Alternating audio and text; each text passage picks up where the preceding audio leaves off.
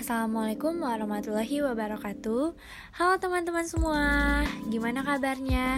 Semoga selalu sehat-sehat aja ya. Sebelumnya perkenalkan nama saya Salvira Nuraiza.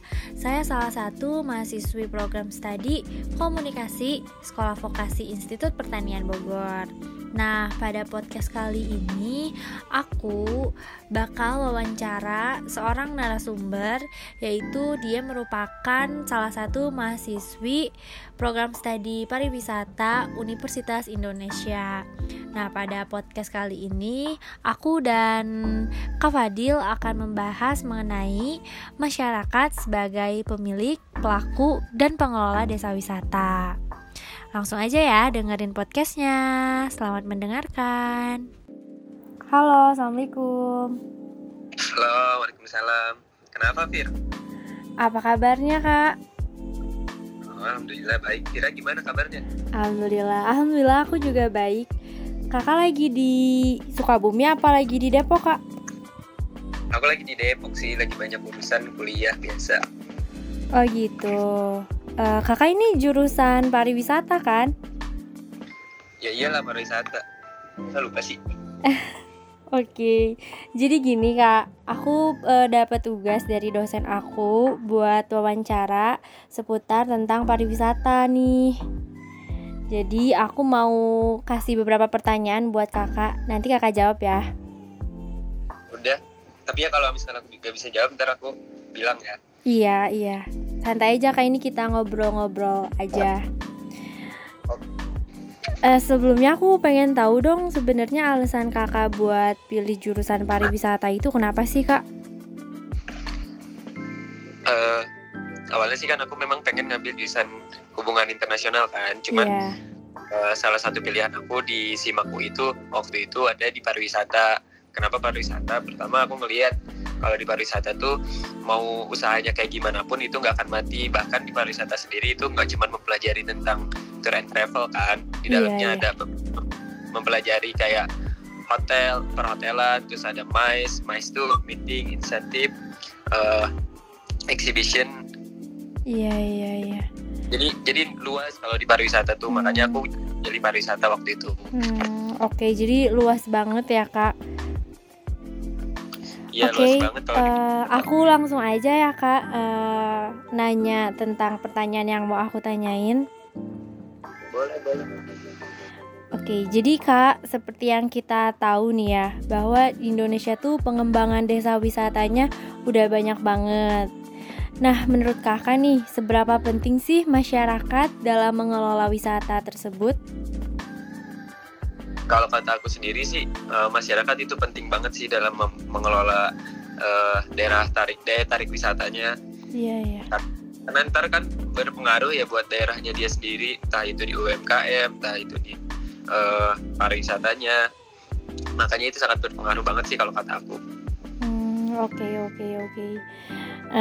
Nah tapi nih kak, dalam proses pengembangan desa wisata itu kan pasti banyak banget ya permasalahan yang timbul. Secara umum permasalahan yang sering terjadi itu apa aja sih menurut kakak? Kalau menurut aku sendiri sih uh, yang aku pelajarin di kelas sih rata-rata permasalahan yang terjadi di daerah daya tarik wisata daerah tuh uh, pertama di komunikasi, lalu yang kedua di edukasi. Hmm. Karena kan yang dua hal itu saling berhubungan ya. Yeah. Uh, kalau yang pertama kenapa edukasi? Masyarakat harus tahu sebenarnya kenapa sih daerah dia bisa jadi daerah daya tarik wisata. Lalu yang kedua itu komunikasi. Komunikasi kan uh, kunci buat uh, mengenal lebih banyak ya orang-orang yeah. di luar. Ketika kita ngobrol pun kita harus tahu komunikasi yang baik dan benar.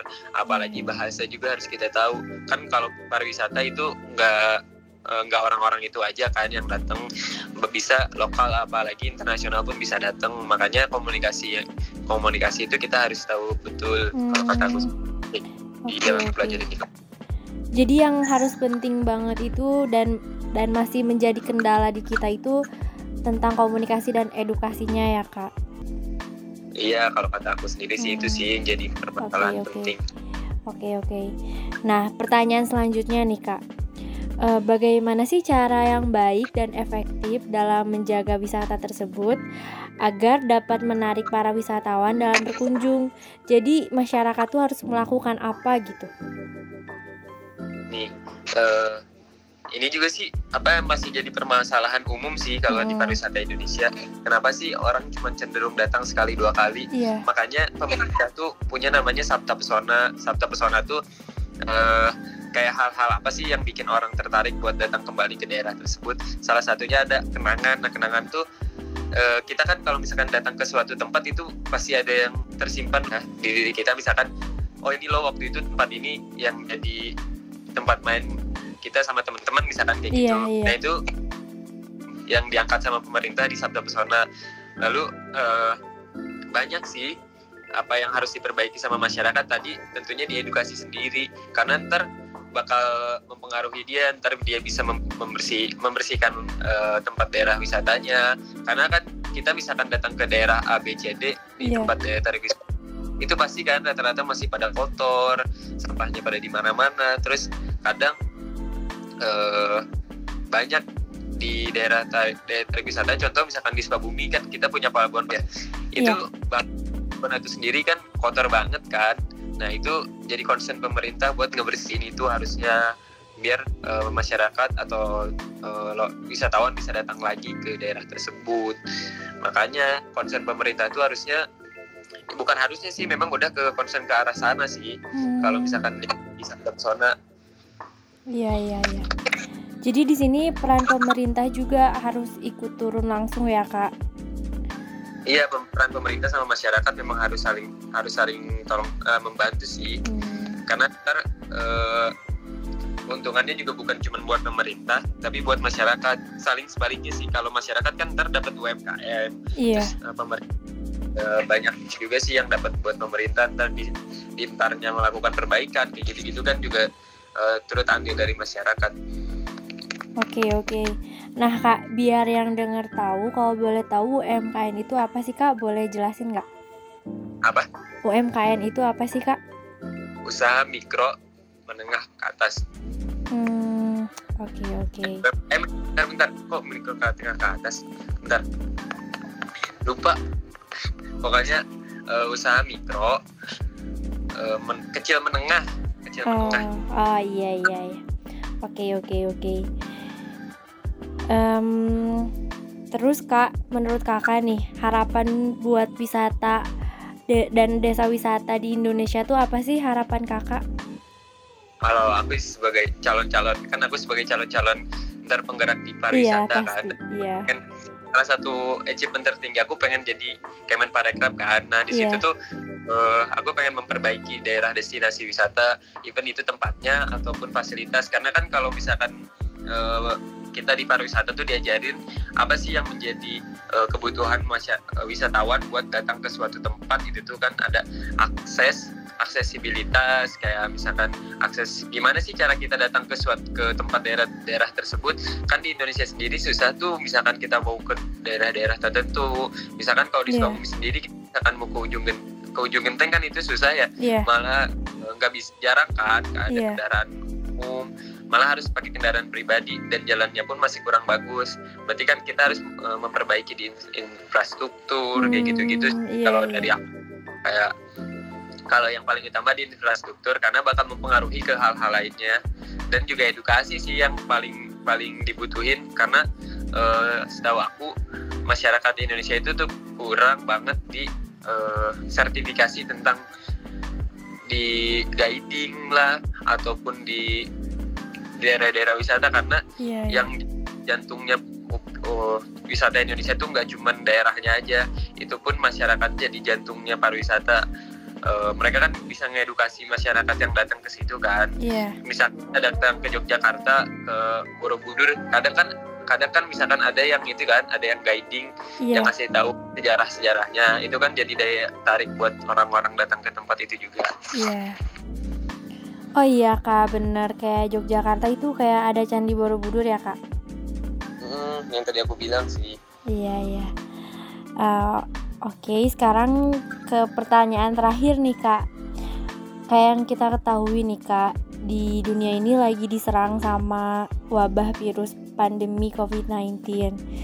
Nah, nasib desa wisata yang ada di negara kita sendiri tuh sekarang kayak gimana sih kak?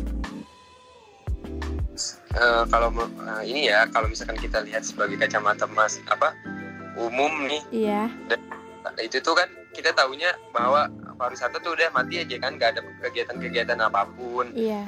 Tapi kan ada di beberapa daerah misalkan daerah-daerah tertentu itu masih punya kegiatan. Bahkan kalau misalkan kita lihat di Eropa atau misalkan di negara-negara tertentu itu masih ada kegiatan pariwisata di yeah. Indonesia sendiri sekarang pariwisata juga udah terbuka sebenarnya hmm. kecuali uh, pun baru terbuka beberapa bulan yang lalu tapi dengan uh, protokol kesehatan sih yeah, ya yeah. dan memang menanggulangi kayak gitu nggak nggak semua tempat bisa kan jadi kalau untuk tempat-tempat tertentu banyaknya kemarin-kemarin kayak bikin virtual uh, travel atau virtual rata-rata kayak gitu hmm. sih dan dan uh, kan aku bilang tadi ya kalau pariwisata itu nggak cuma tentang uh, tour and travel. Iya.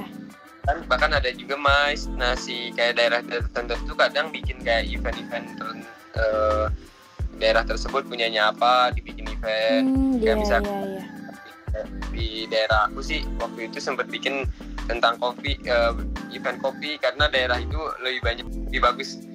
Bukan lebih bagus sih banyak banyak kayak penghasil penghasil kopi di situ kayak jadi uh, orang-orangnya berpikir bahwa kalau misalkan kita tetap stuck kayak gini sulit untuk membanginnya karena kan aku tadi bilang ya yeah. wisata tuh nggak cuma tentang kita datang ke suatu tempat lalu udah selesai kayak gitu. Nah itu bisa jadi salah satu acuan buat orang datang ke daerah tersebut juga. Misalkan kita ke Garut apa sih yang bikin orang-orang tertarik ke Garut? Kan hmm, banyak tuh. iya. ada ada entah itu dodolnya entah itu desa Cipanasnya. Iya. kan kalau misalkan kita sekarang kan uh, sepi ya. Gimana sih cara buat mereka bangkit lagi? Hmm. Walaupun memang nggak harus datang ke sana. Ada juga yang tadi aku bilang virtual tour. Hmm. itu jadi pemerintah. Dan aku pernah juga dapat tugas dari dosen untuk join kayak webinar sih jatuhnya kayak webinar cuman dia uh, kayak virtual tour gitu dan ngeliatin di museum apa ya di Yogyakarta kalau nggak salah yang ngeliatin bahkan si pesertanya pun gak cuma dari mahasiswa-mahasiswa UI waktu itu bukan teman-teman aku ya hmm. ada dari mahasiswa uh, apa ya banyak gitu ya kak jadi yang ikutnya. Terus ada juga dari yang paling jauh sih dari Mesir waktu itu satu oh, sekolah dari Mesir ikut juga jadi waktu itu ngobrol ngomongnya pakai bahasa Inggris si guidingnya ngejelasin hmm. daerah tersebut. Nah oh, kan itu juga iya. salah satu kendala ya buat buat orang-orang nggak cuman buat speakersnya tapi juga buat uh, si influencernya. Kalau misalkan kalau kata aku itu dan itu harus diperbaiki sama uh, bukan perbaiki sih jadi PR aja buat temen-temen uh, di pariwisata uh, buat orang-orang yang mau datang kita harus bisa juga komunikasi yang baik dan benar makanya aku tadi sempat bilang jadi permasalahan umum di pariwisata Indonesia tuh apa sih kan aku bilang tuh yeah. Iya. uh, komunikasi sama edukasi karena ntar bakal sering berhubungan buat memperbaiki kayak hal-hal yang datang kayak sekarang kan kalau sekarang kondisinya pandemi gini kan susah sih kalau misalkan kita berharap besar banget di pariwisata karena uh, kita harus tetap jaga 3M yang di uh, sama pemerintah. Oke okay, oke. Okay. Ya ampun. Iya. Makasih banyak nih ya Kak. Jadi dapet ilmu banyak banget mungkin buat aku sendiri dan teman-teman yang nanti dengerin podcast ini banyak banget semoga uh, ilmu dari kakak dapat bermanfaat banget buat kita semua amin sih. Aku harapnya juga nggak cuma uh, apa nggak karena aku juga mahasiswa pariwisata aku bisa bilang gini. Banyak yeah. sih teman-teman yang lain ngomong kayak gini juga. Okay. uh, eh, karena kalau pariwisata tuh uh, pergerakannya kan dinamis ya. Jadi gerak dari satu tempat ke satu tempat lain itu bisa kita tahu. Iya iya. Kalau, kalau kamu misalkan sering baca pun kamu bisa ngomong sendiri gitu loh. Kayak storytelling yang tadi aku bilang. Iya. Oke deh sekali lagi makasih banyak ya kak ya sama-sama Iya, kakak juga. Nah, teman-teman, mungkin cukup sekian dari podcast saya kali ini. Semoga apa yang disampaikan Kak Padil bermanfaat bagi kita semua. Terima kasih banyak ya buat kalian yang sudah mendengarkan podcast saya. Wassalamualaikum warahmatullahi wabarakatuh.